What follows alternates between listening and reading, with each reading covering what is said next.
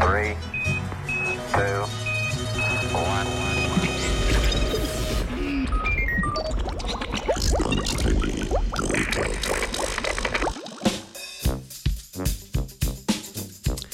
Novi gozdovi.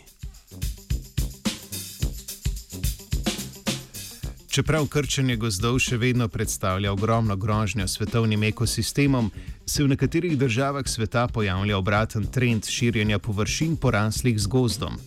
Ena izmed možnih razlag za to zelenenje nekaterih delov našega planeta je povezana z višanjem koncentracij oglikovega dioksida.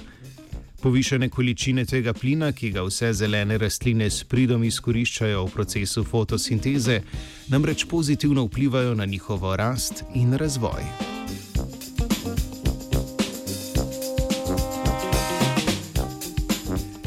Spletna revija Plus One je včeraj objavila zanimivo raziskavo, ki omenjeni trend poskuša razložiti na nekoliko drugačen način. V tej študiji so finski znanstveniki in znanstvenice vzpostavili povezavo med širjenjem gozdov ter povprečnim osebnim dohodkom.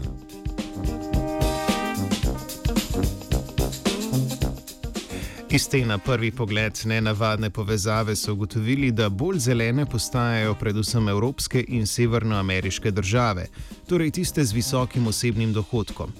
Medtem pa se površina gozda vsakoletno manjša v Južni Ameriki ter Afriki. Med obema skrajnostma najdemo azijske države, kot sta Kitajska in Indija, kjer se gozdovi sicer širijo, vendar počasneje kot na zahodu.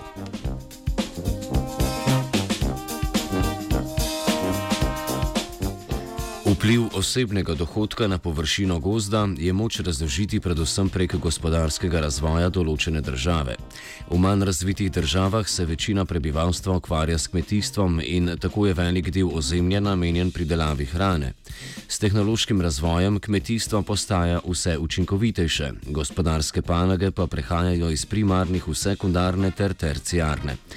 Velik delež prebivalstva se tako v želji po boljšem življenju preseli v mesta.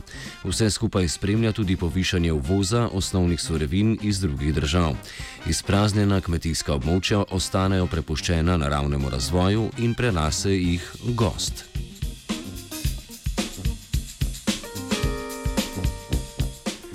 Kljub temu, da širjenje gozdov predstavlja pozitiven trend za našo prihodnost, izgleda, da se ta pojavlja le v bolj privilegiranih delih sveta. Še huje pa je, da nove gozdne površine ene države lahko pomenijo krčenje tega ekosistema v neki drugi, gospodarsko manj uspešni državi.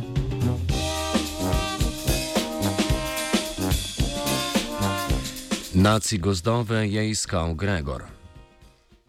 Zakaj pa ne? Poslušate Radio Student.